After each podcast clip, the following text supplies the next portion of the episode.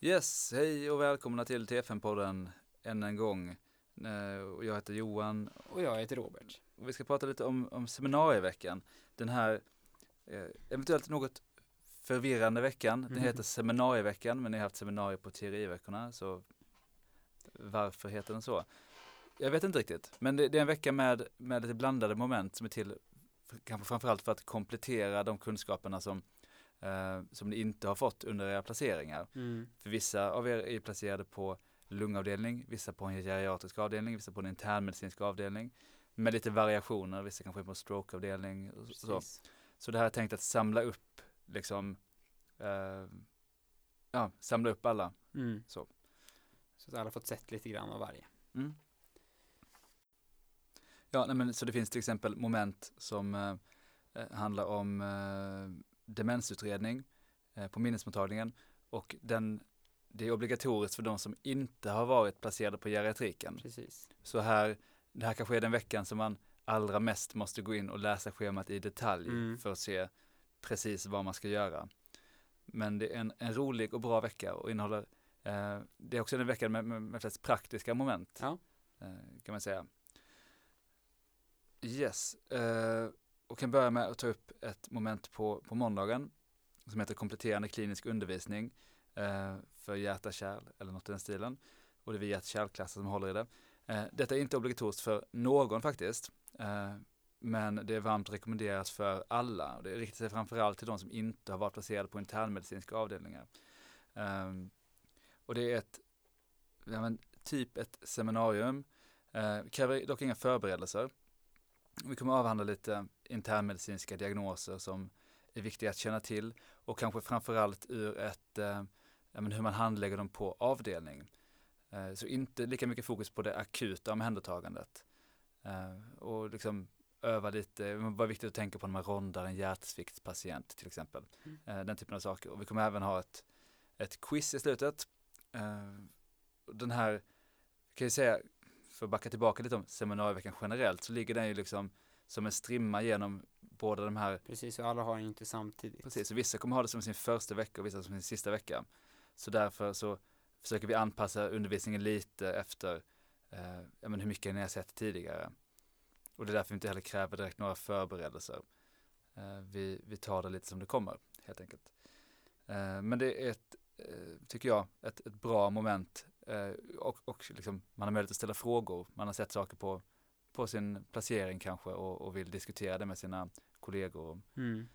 En lite, åtminstone, erfaren eh, handledare. Precis.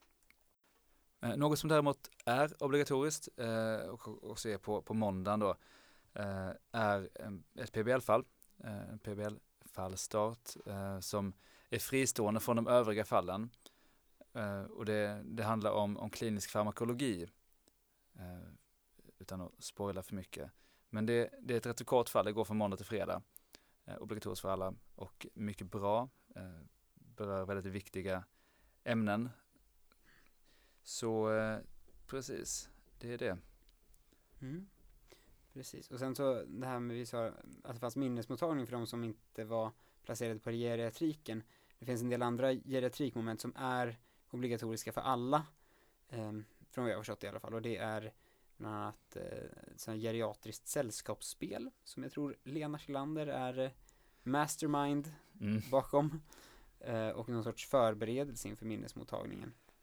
Ehm, Precis, så jag tror att när jag gick till FM så det var ungefär då hon uppfann det här ger- geriatriska sällskapsspelet. Geripol heter det va?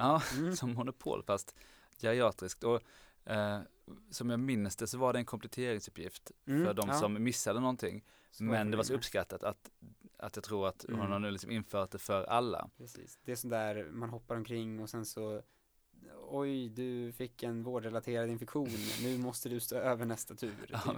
Och målet är att komma ut från sjukhuset tror jag, är inte så? ja, det är inte så lätt alltid. Alltså.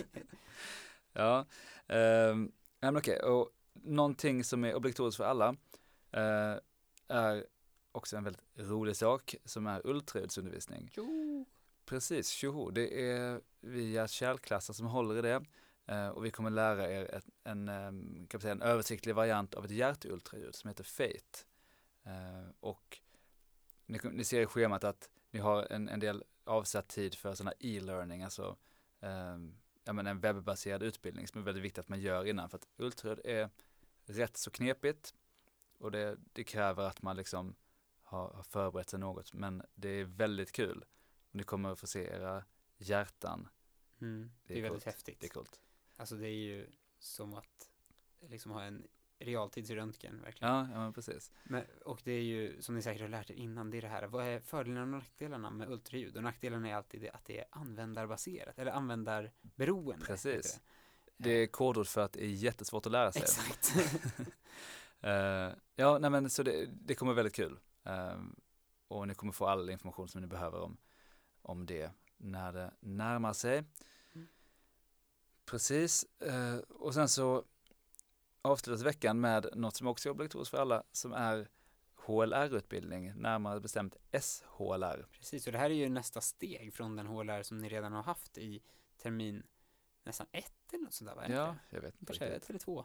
Så har man väl någon sån HLR-utbildning. Och Mm. SHLR, det, det är den typen av HLR som alla på ett sjukhus ska kunna Mm. utföra. S står då för sjukhus, Visst är det så? tror jag. Ja, jag tror med. Ja.